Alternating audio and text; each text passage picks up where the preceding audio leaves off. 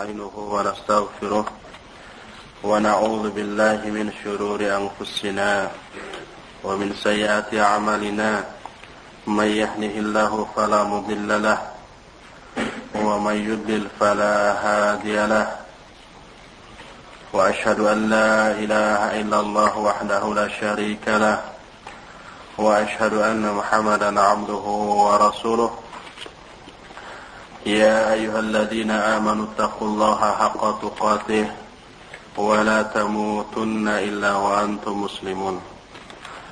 يا أيها الناس اتقوا ربكم الذي خلقكم من نفس واحدة وخلق منها زوجها وبث منهما رجالا كثيرا ونساء واتقوا الله الذي تساءلون به والأرحام إن الله كان عليكم رقيبا. يا أيها الذين آمنوا اتقوا الله وقولوا قولا سديدا. يصلح لكم أعمالكم ويغفر لكم ذنوبكم. ومن يطع الله ورسوله فقد فاز فوزا عظيما.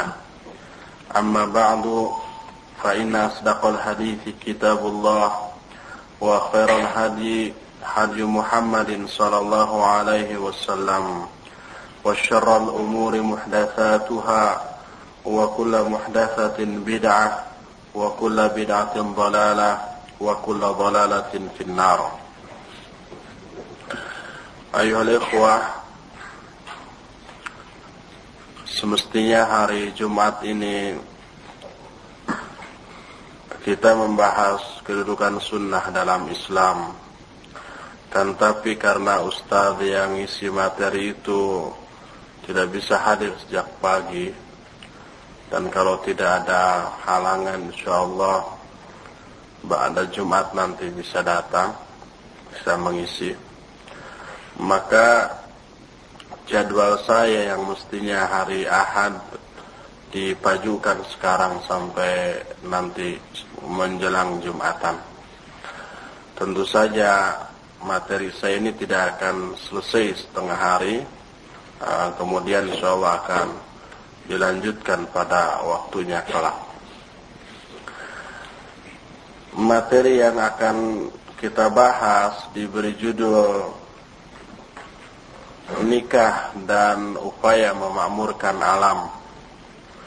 Ini memang diambil dari sebuah buku yang berjudul Al-Insyirah fi Adabin Nikah yang salah satu bab yang membahas yang dibahas dalam buku ini adalah Az-Zawaj wa Imaratul Kaun nikah dan memakmurkan alam di buku ini dijelaskan dua hal saja. Yang pertama tentang pernikahan sejak mulai dari mencari pasangan hidup, memilih calon, menetapkan kriteria calon pasangan hidup, khidbah, nazar khidbah, kemudian walimatul urus, dan seterusnya. Kemudian bila ada waktu nanti kita akan sampaikan juga tentang bagaimana mendidik anak yang akan membahas tiga poin di sana. Pertama bahwa anak ini merupakan maksud yang teragung dari pernikahan. Yang kedua bercanda dengan anak serta bagaimana mendidik mereka dalam kebaikan. Dan yang ketiga harus bersikap adil di antara anak-anak uh, yang kita miliki. Uh, poin pertama yang akan kita bahas adalah tentang nikah dan upaya memakmurkan alam. Allah Subhanahu wa taala menetapkan bahwa nikah itu salah satu tujuannya untuk memakmurkan alam. Dan Allah menjadikan pernikahan ini sebagai salah satu di antara tanda-tanda kebesarannya. sebagaimana firman Allah di dalam surah Ar-Rum ayat ke-21 Allah Subhanahu wa taala menyatakan wa min ayatihi an khalaqa lakum min anfusikum wa ja'ala bainakum mawaddatan wa rahmah inna fi dzalika laayatin liqaumin yatafakkarun. Dan di antara tanda-tanda kekuasaan Allah adalah Dia telah menciptakan bagi kalian dari jenis-jenis kalian sendiri pasangan-pasangan agar kalian merasa tentram kepadanya. Dan Allah pun menjadikan di antara kalian cinta dan kasih sayang. Sesungguhnya dalam yang demikian ada tanda-tanda kekuasaan Allah bagi kaum yang berfikir. Oleh karena itulah maka pernikahan merupakan salah satu keharusan bagi setiap muslim yang mampu yang takut ter, takut dirinya terjerumus ke dalam kemaksiatan. Dan barang siapa yang sudah mempunyai kemampuan untuk menikah, hendaklah dia menikah karena takut terhadap fitnah berdasarkan sabda Nabi alaihi salatu "Ya ma'syar sabab, man istata'a minkum al-ba'ah falyatazawwaj, fa innahu aghaddu lil basar wa ahsanu lil farj, wa man la fasawmu lahu wijah." Kata Nabi Shallallahu Alaihi Wasallam, wahai para pemuda, barang siapa di antara kalian yang punya kemampuan untuk menikah, maka menikahlah. Karena hal itu akan lebih menundukkan terhadap pandangan dan lebih memelihara, memelihara faraj. Barang siapa yang tidak mampu, maka saum akan menjadi benteng baginya. Hadis ini riwayat Imam Bukhari, Muslim, Abu Daud, An-Nasai, juga At-Tirmidzi serta ulama-ulama ahlul hadis lainnya pun banyak meriwayatkan hadis ini dengan sanad yang sahih. Akan tetapi setan selalu membisikkan ke hati para pemuda yang mau nikah untuk menghalang-halangi. Salah satunya di tengah-tengah kerusakan zaman ini. Di tengah-tengah ruwetnya urusan. Apalagi sekarang mau nikah. Harus ada KTP. Eh, harus ditatar dulu. Gitu ya. Harus apalagi disuntik imunisasi apa. Ruwet urusan. Dan juga di tengah-tengah orang-orang mengagung-agungkan harta maka setan membisikkan kepada para pemuda, kamu nggak akan mampu kalau nikah. Nggak akan, nggak akan mempunyai kemampuan. Maka hendaklah setiap pemuda tidak tergoda dengan bisikan setan seperti itu karena ada satu jaminan dari Rasulullah alaihi salatu wassalam dalam sebuah hadisnya salah satu Hakun ala Allah azza wa jalla aunuhu. Ada tiga kelompok manusia yang Allah berkewajiban menolong mereka. Pertama adalah al-makatib yuridul ada. Makatib ini hamba-hamba sahaya yang punya perjanjian dengan tuannya kalau kamu bisa menebus dirimu dengan bayar uang sekian, kamu bebas. Ini disebut katib, makatib. Oh, budak hamba sahaya yang menginginkan bebas, kebebasan dirinya akan ditolong oleh Allah Subhanahu wa taala. Nah, yang kedua ini wanaki yabghil Orang yang menikah karena memelihara kehormatan dirinya, khawatir terjerumus ke dalam maksiat, kemudian dia menikah, maka dia pun berhak mendapatkan pertolongan Allah Subhanahu wa taala. Dan yang ketiga, wal mujahidu fi sabilillah. Orang yang berjihad di jalan Allah. Hadis ini sahih dikeluarkan oleh Imam An-Nasai dalam kitab Sunannya juz 6 halaman 61. Sedangkan lafaz tadi diriwayatkan oleh Imam At-Tirmidzi sebagaimana dalam Tuhfatul Ahwadi juz 5 halaman 296. Lalu Imam At-Tirmidzi menyatakan hadis ini hasan Selain itu Imam Ibnu Majah, Imam Abdul Razak, Imam Ahmad, Imam Ibnu Huzaimah dan Ibnu Hibban, Imam Al-Hakim, Imam Abu Nuaim dan banyak lagi imam-imam ahlul hadis lainnya yang juga meriwayatkan hadis ini dengan sanad yang sahih. Maka apabila seseorang sudah mempunyai azam, niat untuk menikah karena sudah ada desakan yang kuat untuk itu hendaklah yarhamukallah. Hendaklah dia beristikharah kepada Allah azza wa jalla tentang hal itu agar Allah menetapkan kebaikan baginya insyaallah. Berdasarkan sabda Nabi sallallahu alaihi wasallam dalam sebuah hadis yang diriwayatkan oleh Imam Bukhari, Abu Daud, At-Tirmidzi dan yang lain-lainnya, Rasul SAW menyatakan, "Idza hamma ahadukum bil amri falyarqa rak'atain min ghairil fariidhah." Thumma liyaqul, "Allahumma inni astakhiruka bi ilmika wa astaqdiruka bi qudratika wa as'aluka min fadlikal 'azim." Fa innaka taqdiru wa la aqdir wa ta'lamu wa la a'lam wa anta 'allamul ghuyub dan seterusnya Kata Rasul SAW, apabila salah seorang di antara kamu mempunyai niat untuk satu urusan, termasuk niat nikah, maka hendaklah dia sholat dua rakaat, bukan sholat fardu. Yang kemudian ini disebut dengan sholat istikharah. Sholat meminta pilihan yang baik.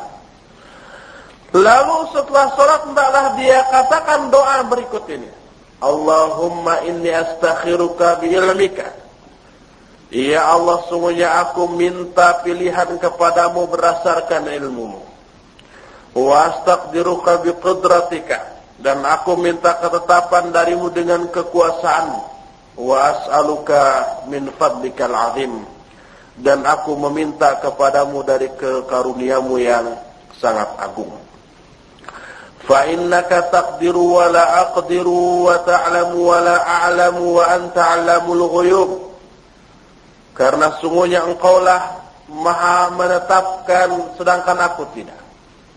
Engkau maha mengetahui sedangkan aku tidak dan aku dan engkau maha mengetahui hal yang gaib. Lalu lanjutkan doanya Allahumma in kunta ta'lamu anna hadzal amra khairul li fi dini wa ma'ashi wa aqibati amri aw qala fi ajili amri wa ajilihi faqdurhu li wa yassirhu li thumma barik li fihi Ya Allah, apabila engkau mengetahui, dan pasti Allah mengetahui, bahwa urusan ini baik untukku, di dalam dinku, di dalam kehidupanku, dan akibat dari urusanku ini, baik sesegera atau apa lawannya? Atau kemudian, maka tetapkan dia untukku dan mudahkanlah dia untukku dan berikanlah barokah untukku dalam hal itu. Lalu wa in kunta ta'lamu anna hadzal amra syarrul li fi dini wa ma'ashi wa aqibati amri aw qala fi ajli amri wa ajlihi fasrifhu anni wasrifni anhu waqdur lil waqdur lil khaira haitsu kunt Summa summa radini Ya Allah apabila menurut pengetahuanmu urusan ini jelek untukku di dalam dinku, dalam kehidupanku dan akibat dari urusanku ini, palingkan urusan ini dariku dan palingkan pula aku daripadanya. Lalu tetapkanlah untukku yang baik yang kau ketahui. Sumbar diri bih lalu ridhoilah aku dengan urusan itu. Ini doa istikharah di dalam riwayat Bukhari, doa ini sahih. Ini doa yang harus kita baca setelah surat istikharah. Setelah itu kata Rasulullah SAW yusamma hajatahu. Setelah itu barulah kita kemukakan hajat kita, kebutuhan kita setelah doa ini. Disunnahkan sholat istikharah itu di bagian malam yang terakhir. Kenapa? Lima fi dzalika min sifa eh, min safa'in nafs wa bu'dil mar'i amma yunaghisu alaihi salatuhu. Karena pada akhir malam itu jiwa sedang bersih dan jauh dari orang-orang yang bisa mengganggu sholatnya. Jauh dari anak-anak. Maksudnya jauh bukan dari segi jarak, tapi dari segi ketergangguan dan seterusnya. Lalu dia membaca doa istikharah setelah selesai sholatnya. Apa yang mesti dibaca dalam sholat istikharah? Imam An-Nawawi rahimahullah dalam kitab Al-Azkar halaman 111 beliau katakan Yuqra'u fi raq'atil ula ba'da al-Fatihah qul ya ayyuhal kafir. Wa fi tsaniyah qul huwallahu ahad.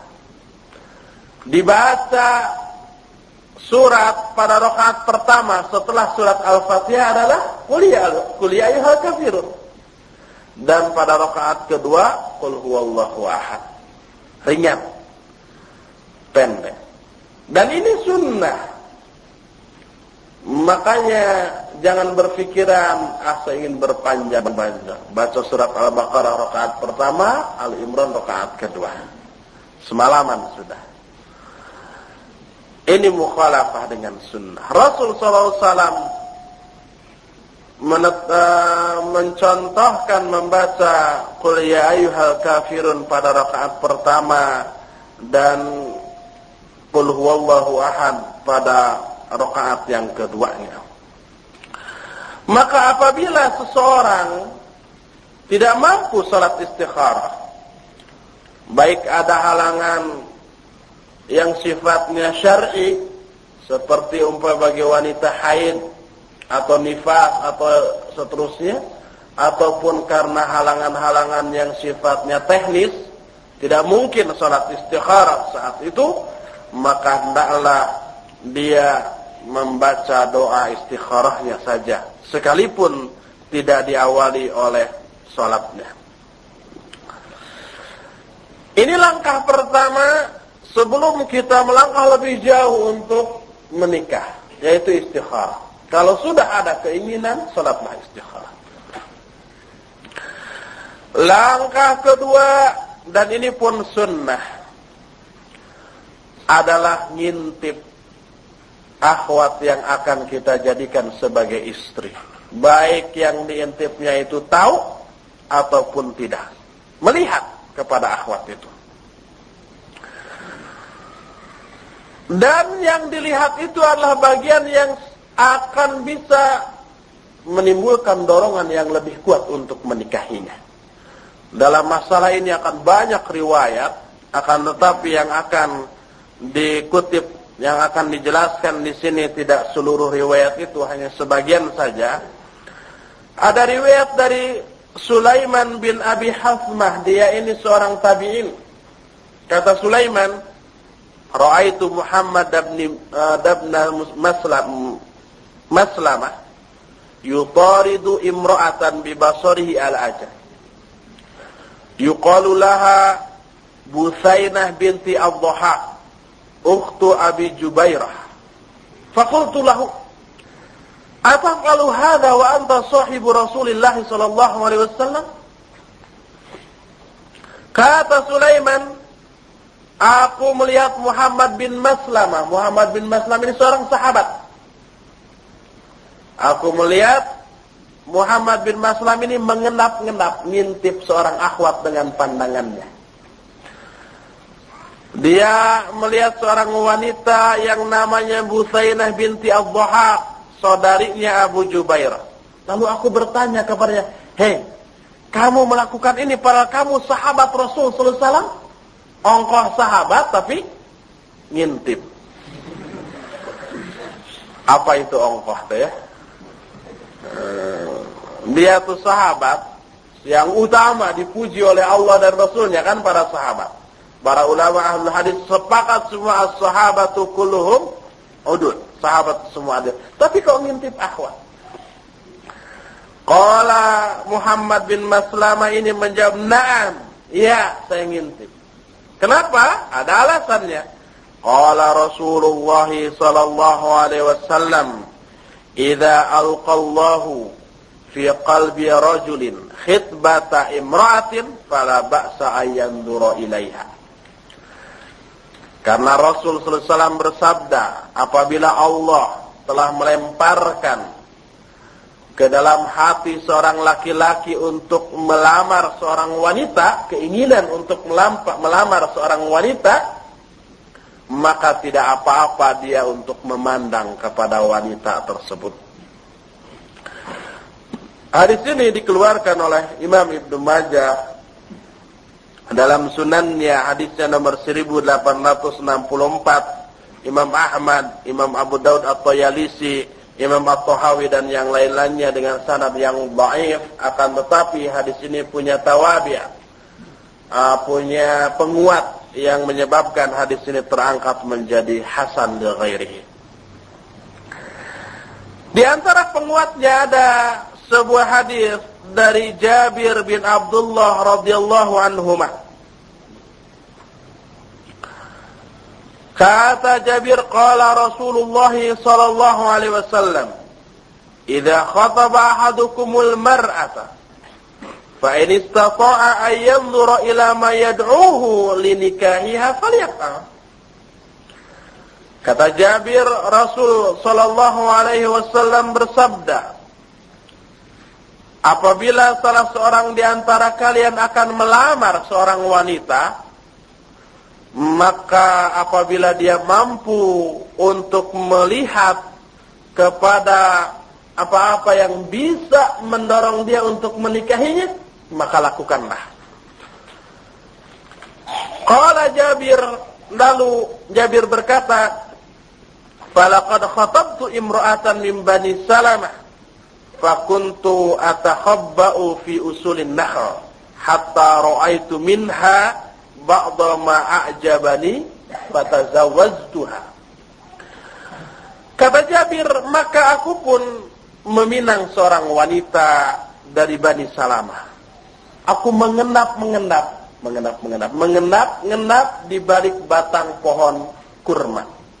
Sehingga aku melihat dari wanita itu bagian yang mempesonakan aku, lalu aku pun menikahinya.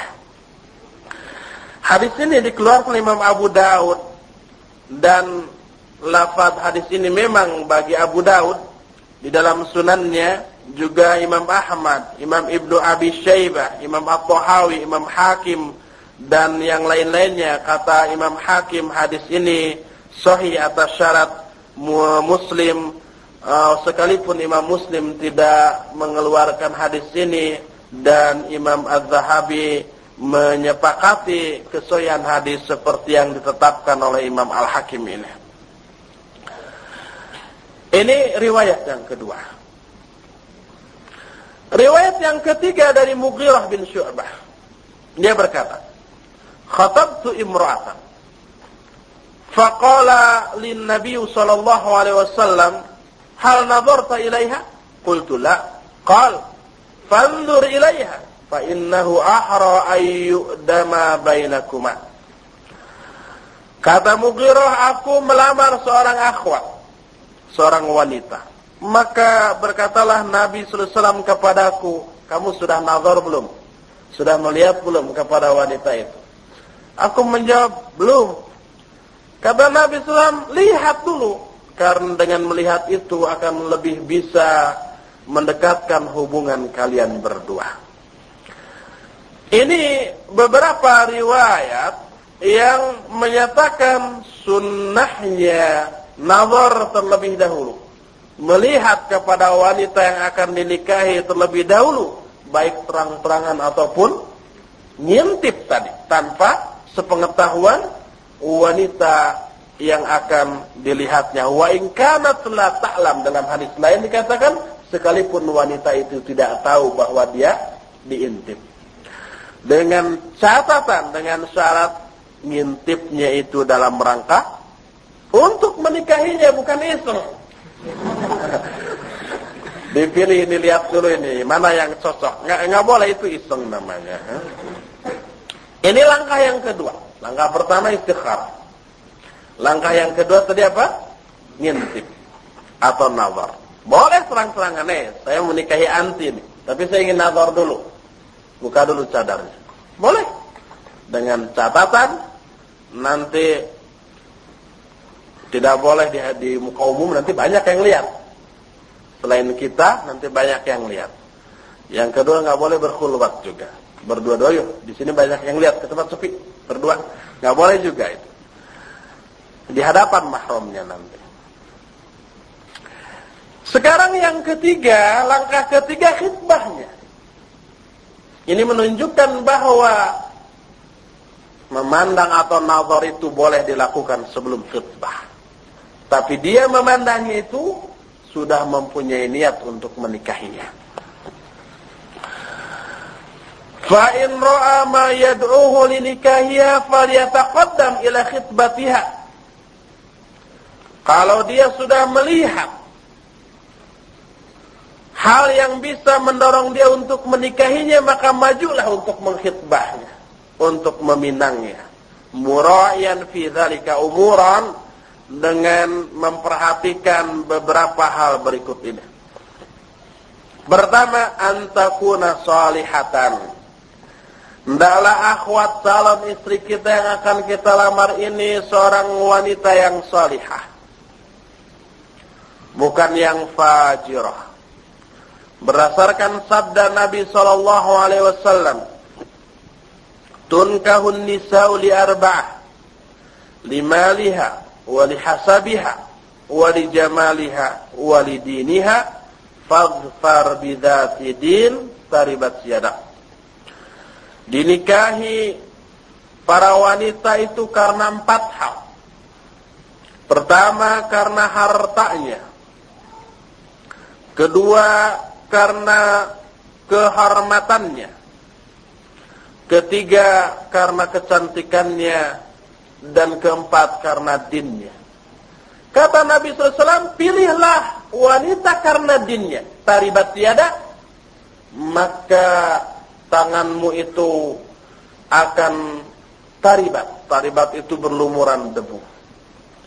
Yang dimaksud dengan taribat yadaka menurut al-imam Ibnu Hajar al-Asqalani itu artinya penuh keberuntungan nanti. Ini hadis ini diriwayatkan Imam Bukhari dan Imam Muslim serta ulama-ulama hadis yang lainnya pun banyak meriwayatkan hadis ini. Dalam hadis lainnya yang diriwayatkan oleh Imam Muslim, An-Nasai, Ibnu Majah dan Imam Ahmad Rasulullah wasallam menyatakan inna dunya kullaha mata'un wa khairu mata'id dunya al-mar'atu salihah. Dunia ini seluruhnya perhiasan. Dan sebaik-baik perhiasan dunia adalah wanita yang salihah. Perhiasan sekarang Masya Allah mahal sekali ya. Tapi yang terbaik di antaranya adalah istri yang solihah. Makanya seorang laki-laki yang punya istri yang solihah adalah laki-laki yang kaya. Tak terhingga nilainya. Itu baru satu. Apalagi kalau punya dua, tiga, dan empat. Lebih mahal lagi. Lebih kaya lagi. Minimal kaya oleh istri. Ini yang pertama hendaklah memilih calon istri yang salihah. Jangan dilihat dari kecantikannya, pendidikannya, kehormatannya, tapi kesolehannya. Asani hal yang kedua yang harus diperhatikan adalah antakuna bikran. Hendaklah lebih baik ini, lebih baik bukan wajib. Hendaklah calon istri kita itu yang gadis. Sebagaimana dalam beberapa riwayat di antaranya dari Jabir bin Abdullah radhiyallahu anhu. Kata Jabir, "Sa'alani Rasulullah sallallahu alaihi wasallam, hal tazawwajta?" Qultu na'am. Qal, "Biman?" Qultu bi fulana binti fulan. Bi ayyi min kanat bil Madinah. Qal fa halla biqran tula'ibuha wa tula'ibuka. Kata Jabir, Rasul SAW bertanya kepadaku, apa kamu sudah nikah? Aku menjawab ya. Kata Nabi SAW, dengan siapa nikahnya? Aku menjawab dengan si Fulanah binti Fulan, seorang janda di Madinah. Kata Nabi SAW, mengapa kamu tidak nikah dengan seorang gadis? tulaibuha wa tulaibuka sehingga kamu bisa bercanda dengannya dia pun bisa bercanda denganmu ini menunjukkan bahwa memang dengan gadis lebih afdal daripada nah lebih afdal afdal itu sudah menyatakan lebih lebih utama lebih afdal lebih lebih utama dibandingkan menikah dengan janda akan tetapi ini tidak mutlak. Mungkin nanti ada pertanyaan sebelum ditanya. Ya, saya jelaskan dulu sekarang. Kenapa kalau memang lebih utama dengan gadis, kenapa Rasul Salam menikah pertama kali dengan dengan janda? Apa Rasul Salam menyelisihi ucapannya menyelisihi perbuatannya sendiri? Ba'id anhu. Rasul Salam jauh dari hal itu. Nah, kalau umpamanya disebutkan di sini wa yumkinu lahu ayyatazawwaja thayyiban in dhahara lahu fi dzalika maslah. Tapi mungkin juga boleh juga menikah dengan janda dan bagus menikah dengan janda apabila nampak benar di dalam hal itu ada kemaslahatan.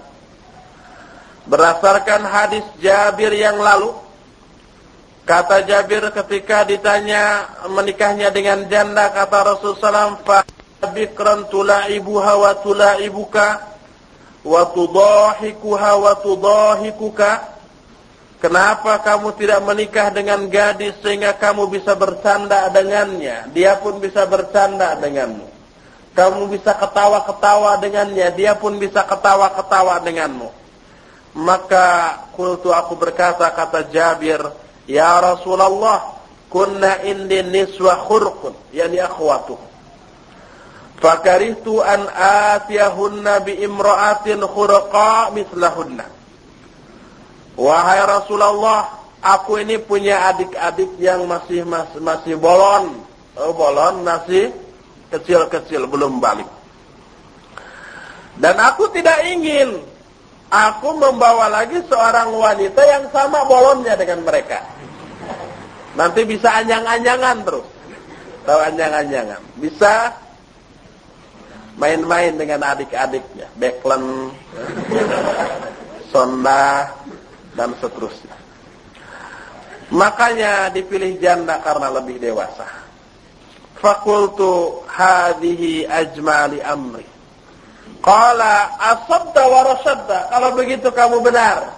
Dan kamu sudah rasid ya berilmu ya beramal. Sudah benar sudah, benar. Jadi kalau di dalam menikahi janda jelas nampak sekali maslahat bagi keduanya, maka itu afdal. Itulah hal yang ketiga. Yang pertama adalah harus yang salihah. Yang kedua yang gadis. Yang ketiga boleh yang janda kalau ada maslahat di dalamnya. Sekarang yang keempat, kriteria akhwat pilihan hati yang keempat adalah antakuna waludan wa yu'rafu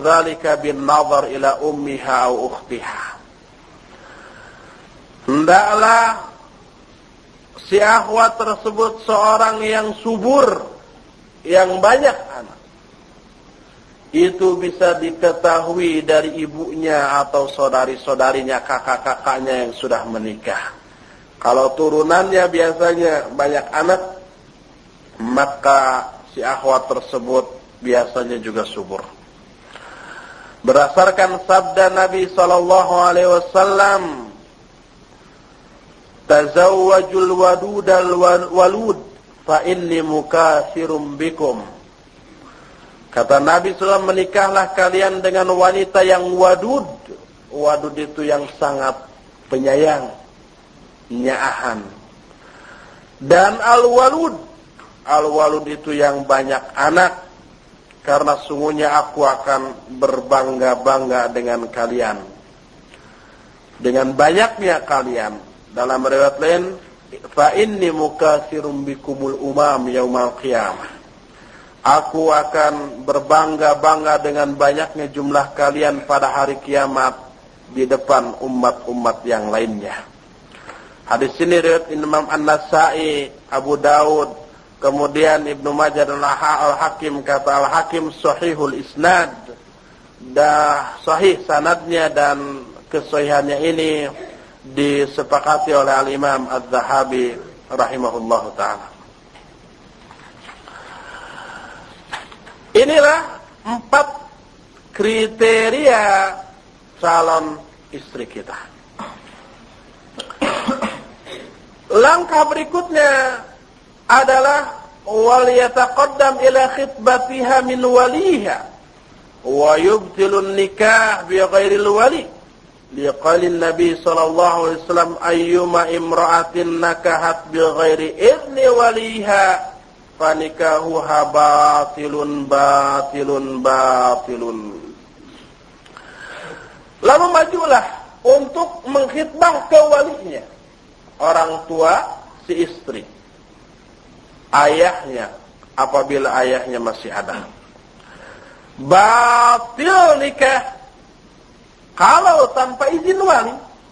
Berdasarkan sabda Nabi Sallam, siapa saja wanita yang menikah tanpa izin walinya maka nikahnya adalah batil batil batil tiga kali Nabi sallallahu alaihi wasallam menyatakan hal itu hadis ini sahih diriwayatkan Imam Abu Daud Imam At-Tirmidzi Imam Al-Bukhari dalam At-Tarikhul Kubra bukan di dalam sahihnya kemudian uh, beliau berkata bahwa hadis ini adalah hadis yang uh, Imam At-Tirmidzi menyatakan hadis ini hadis yang hasan dan banyak pula ulama ahli hadis lainnya yang juga meriwayatkan hadis ini.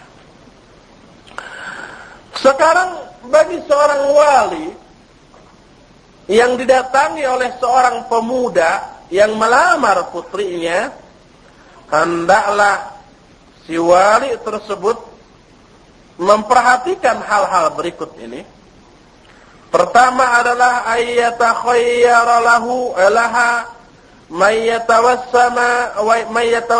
fihi shalah wa taqwa.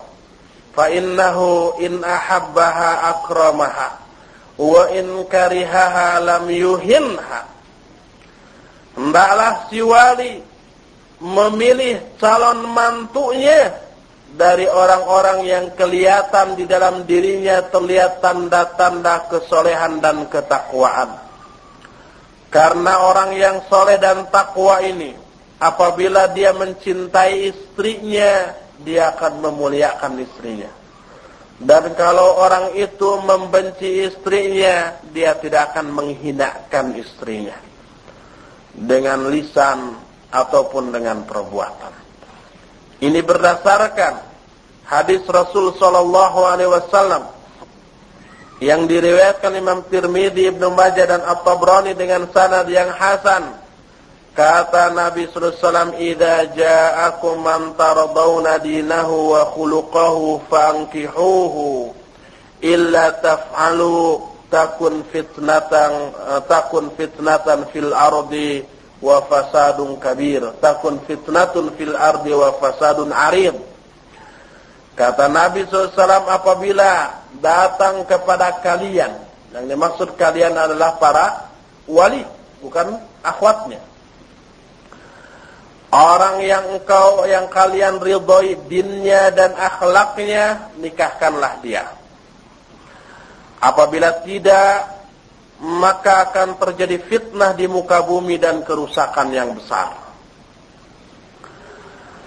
Ini hal yang pertama yang harus diperhatikan oleh seorang wali di saat memilih calon mantunya.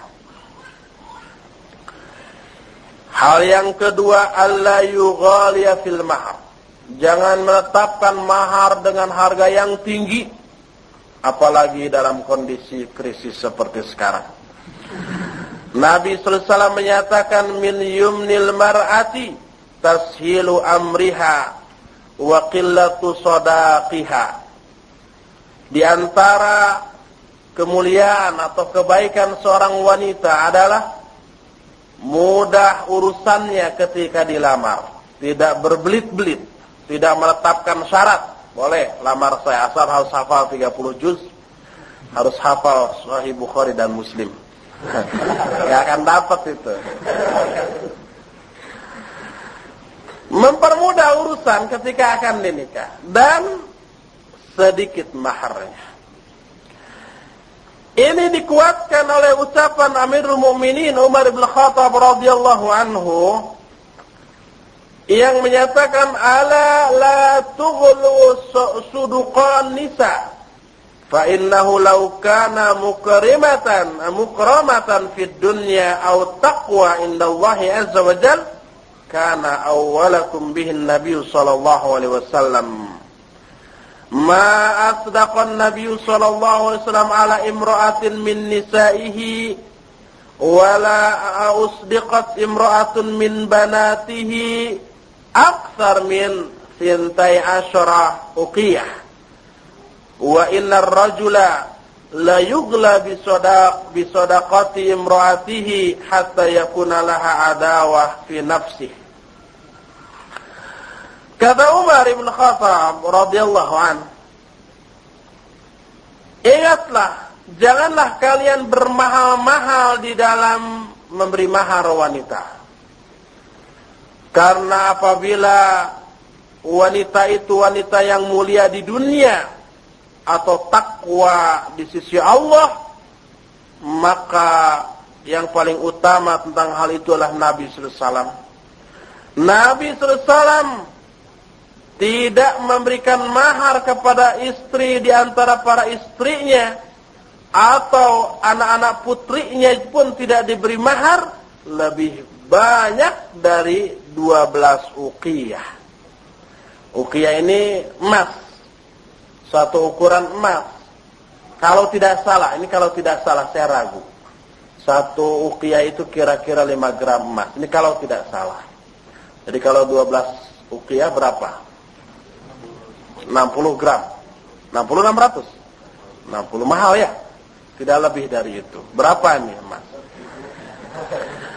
Dan seorang laki-laki dia bermahal-mahal di dalam menetapkan mahar bagi calon istrinya sehingga timbul permusuhan di dalam hatinya.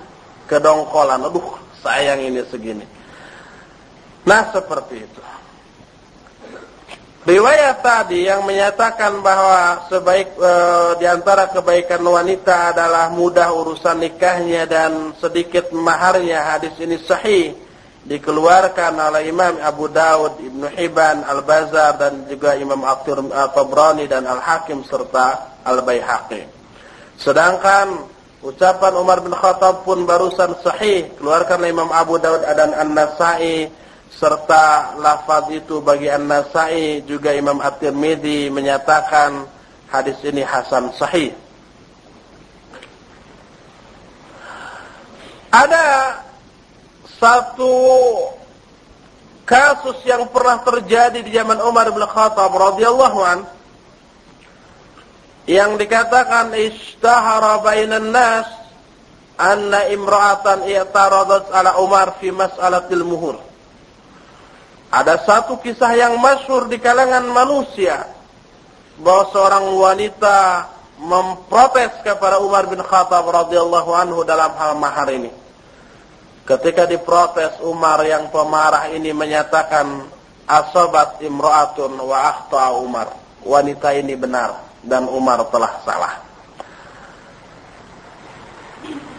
Hadis ini yang menyatakan bahwa ketika Umar bilang jangan bermahal-mahal menetapkan harga mahal, mahar, harga mahar, lalu diprotes oleh para wanita bahwa biarkan mahal, itu hak wanita.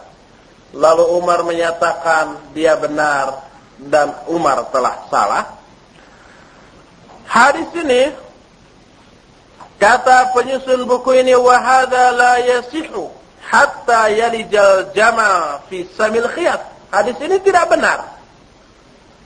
Sama sekali sampai unta masuk ke lubang jarum. Artinya mustahil, ya.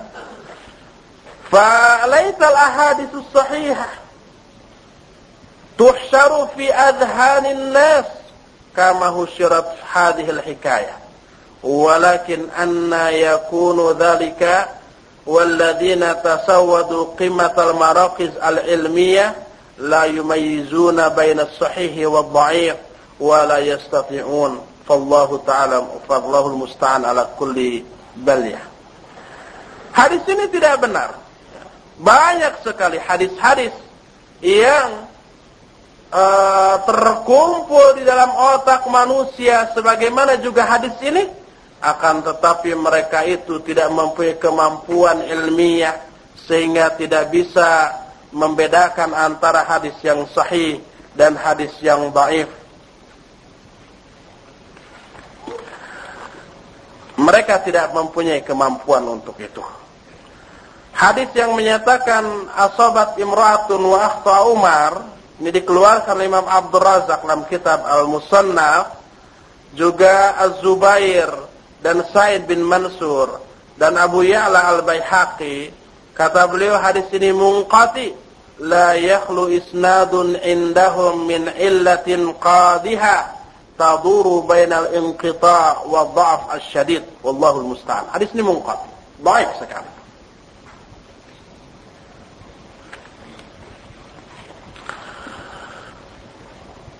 Itu hal yang kedua yang harus diperhatikan oleh wali yang pertama memilih calon mantu yang bagus, yang kedua tidak terlalu mahal di dalam menetapkan mahar. Adapun yang ketiga kepada sebuah hadis dari Aisyah radhiyallahu anha. Kata Aisyah, "Dakhalat 'alaiha fatat. Faqalat inna abi zawwajani ibna akhi. Liyarfa'a bi khasisatahu wa ana kariha. Qalat ijlisi hatta ya'tiya Rasulullah sallallahu alaihi wasallam فجاء رسول الله صلى الله عليه وسلم فأخبرته فأرسل إلى أبيها فدعاه فجعل الأمر إليها فقالت يا رسول الله قد أجزت ما صنع أبي walakin aradtu an u'lima alin nisa'i min al-amri syai' kata Aisyah radhiyallahu anha ada seorang gadis masuk menemuinya. Gadis ini berkata sungguhnya bapakku telah menikahkan aku dengan saudara dengan anak saudaraku. Bukan gadis lagi kalau gitu ya.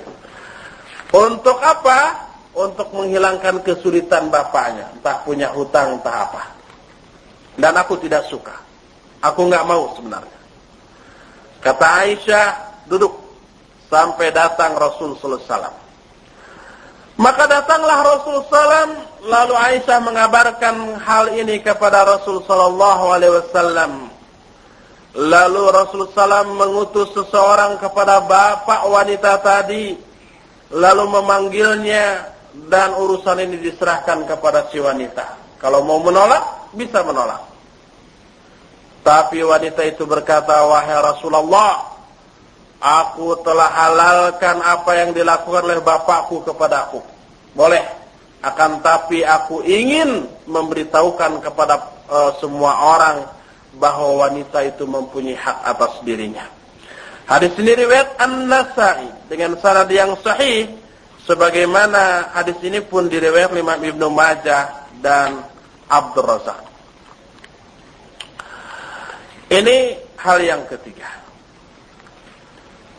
Adapun persetujuan wanita adalah dengan cara diam kalau ditanya karena malu. Disebutkan muwafaqatul bikr antas kuta li annaha tastahi li tastahi.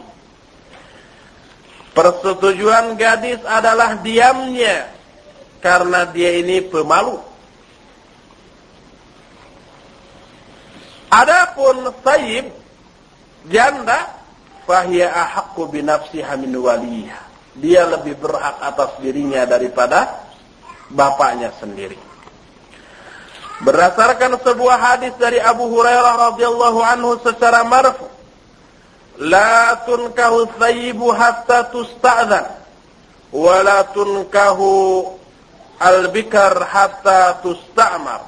Qalu ya Rasulullah kaifa idnuha? Qal idnuha antas kuta.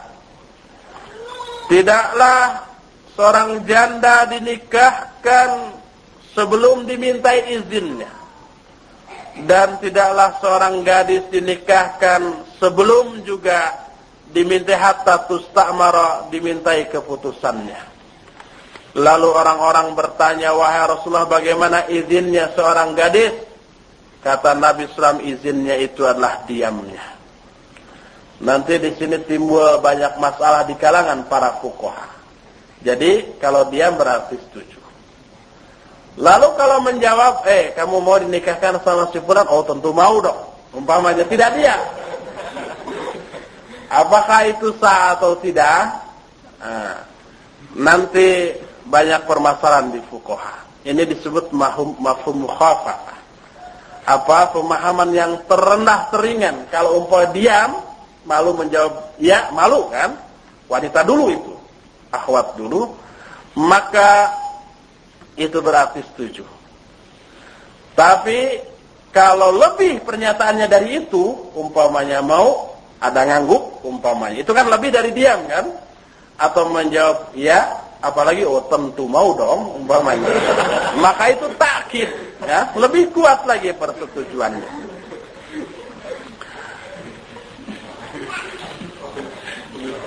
lebih sahih ya. Hadis yang barusan pun sahih dikeluarkan oleh Imam Bukhari dalam kitab sahihnya. Imam Muslim pun meriwayatkan juga dalam kitab sahihnya. Imam Abu Dawud dan Imam An-Nasai dalam kitab sunannya.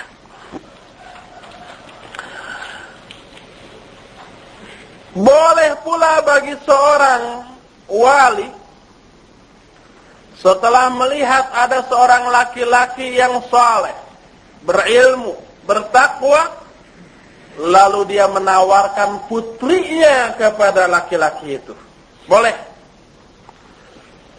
Ini berdasarkan dan ini tidak sesuatu yang hina, bukan sesuatu yang hina. Aduh, dimurah-murah begitu wanita. Enggak.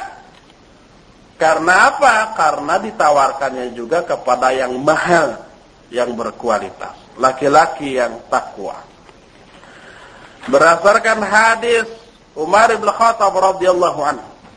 Kata Umar, "Lamma ta'ayyamat Hafsah binti Umar min min uh, Khunais bin Hidhafah As-Sahmi wa kana min ashabi Rasulullah Rasulullah sallallahu alaihi wasallam fatawaffa bil Madinah. Fa'ataitu Uthman bin Affan radhiyallahu anhu radhiyallahu anhu. Fa'aradtu alaihi Hafsah. Qultu in syi'ta ankahtuka hafsa, Qal sa'anduru fi amri. Falabitha layali summa laqiyani faqala qad bada'ali alla atazawwaja yawmi. Hala. Qala Umar falaqitu Abu Bakar As-Siddiq radhiyallahu anhu. Faqultu in syi'ta in syi'ta ankahtuka Hafsa binti Umar. Fasamata Abu Bakar.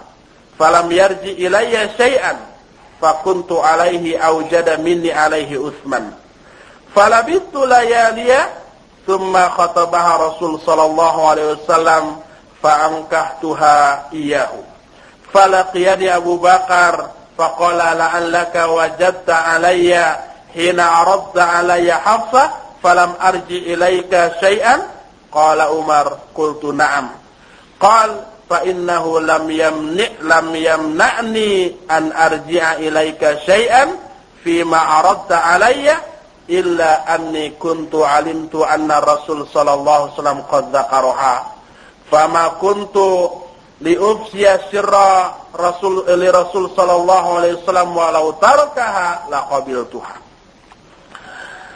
ketika Hafsah menjanda dari suami pertamanya Hunais bin Hidhaf al-Sahmi, dia salah seorang sahabat yang meninggal di Madinah. Umar, kata Umar, aku mendatangi Utsman. Aku tawarkan Hafsah kepadanya. Aku berkata, kalau kamu mau, aku nikahkan kamu dengan Hafsah.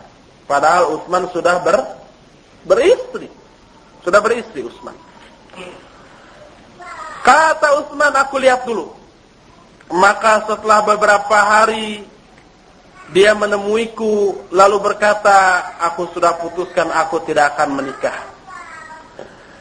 Kata Umar, aku temui Abu Bakar. Lalu aku berkata, kalau kamu mau akan aku nikahkan kamu dengan Hafsah putri Umar. Abu Bakar diam, tidak menjawab sesuatu pun maka fakuntu alaihi aujada minni alaihi ala ala Utsman. Maka aku pun berprasangka bahwa Abu Bakar pun sikapnya seperti Utsman yaitu tidak akan menikahi. Setelah beberapa malam tiba-tiba Rasul SAW datang mengkhitbah meminang Hafsah aku pun menikahkan Hafsah kepada Rasul sallallahu alaihi wasallam Lalu Abu Bakar datang menemuiku. Kata Abu Bakar, kamu ingat nggak? Ketika kamu menyodorkan Hafsah untukku, aku tidak menjawab sesuatu pun? Kata Umar, ya.